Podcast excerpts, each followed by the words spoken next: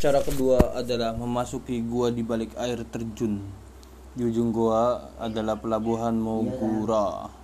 Negara Wano di sana kargo dan anggota kru akan ditarik dengan gondola. Hmm, tentu saja ini hanya bisa dilakukan dengan izin Kaido atau Korochi Orochi. Terowongan itu terus menuju ke atas. Kemudian mereka akan melintasi hukuman untuk sampai ke tujuan. Apa papa kalau halo Kaido-san jadi di per per per. bikin aku sudah sampai di saat Hakuma. pagi sampai siang jam 12 an aku harus bikin podcast dulu. Apa kau akan kembali untuk menghadiri pesta juga? Apa-apa, setuju Ya, ya, saja kita tak boleh melewatkan Golden Kagura yang hanya dilakukan setahun sekali. Orang yang menolak menggabung menjadi krumu sudah melewatkan kesempatan besar.